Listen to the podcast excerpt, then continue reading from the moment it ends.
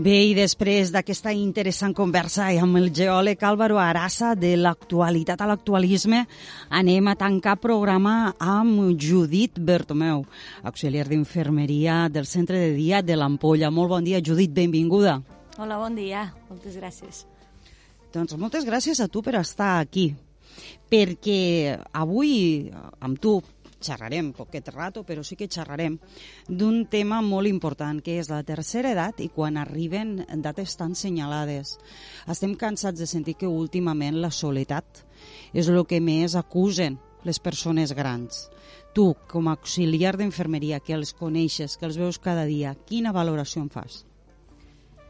Eh, ells viuen la soledat molt durament. Pensa que aquestes dates sempre els falta algú a la taula ja però en realitat ells tenen la il·lusió del Nadal, encara que no la saben expressar pues, com lo jovent, que són més explosius, a ells els hi costa ja més expressar els anys que han passat, però ells ho veuen en l'il·lusió de que, ai, eh, ve un netet més, o ai, ara tindré un net que coneixeré.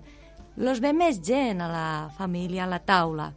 Per això penso que és important que els fer-los partícips a la, als àpats de Nadal, a cap d'any, en totes eh, aquestes dates implicar-los en ells, portar-los, perquè ells ho viuen amb il·lusió. Encara que no ho saben expressar del tot, per, per això que et dic que no som explosius, no, no tenen l'expressivitat, ja com, com el jovem, ells viuen igualment la mateixa il·lusió i quan venen al centre t'expliquen ai, he estat en els nou nets a la taula, van fer cagar el tió tu saps? O van anar a buscar els regalets per tot el jardí que els tenien amagadets.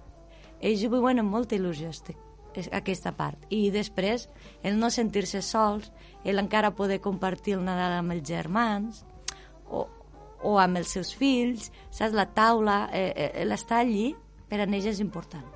I d'alguna manera, Judit, també després no tothom eh, conserva la família, o no tothom té família i no per anar això diguéssim que s'ha de deixar de viure, és a dir, a veure, és com una dona que no és mare, pues, tampoc, a veure, no deixes de ser dona ni t'invalida, no? A ah, llavors, eh, vosaltres també jugueu un paper molt important, perquè en moltes ocasions sou aquella família que no es té, no?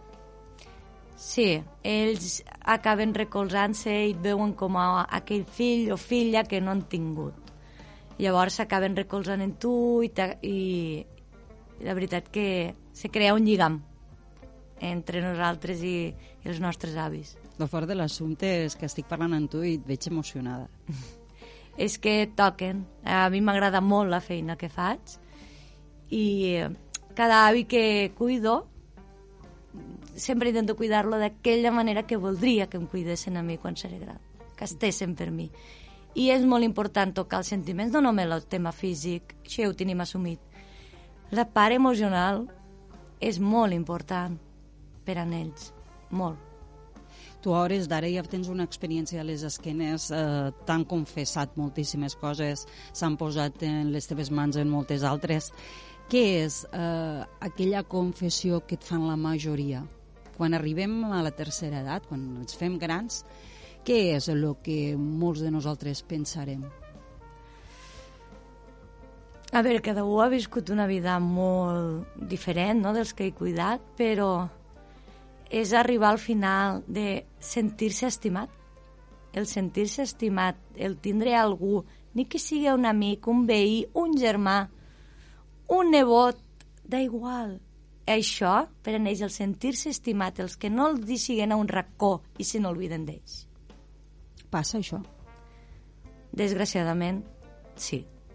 Pues hi ha famílies que es pensen que, clar, nosaltres allí intentem suplir-ho tot, sobretot això passa molt més en residència, no? Jo treballo en centre de dia, però ja els tenen allí, els tenen ben cuidats, però clar, nosaltres realment no som els familiars d'ells.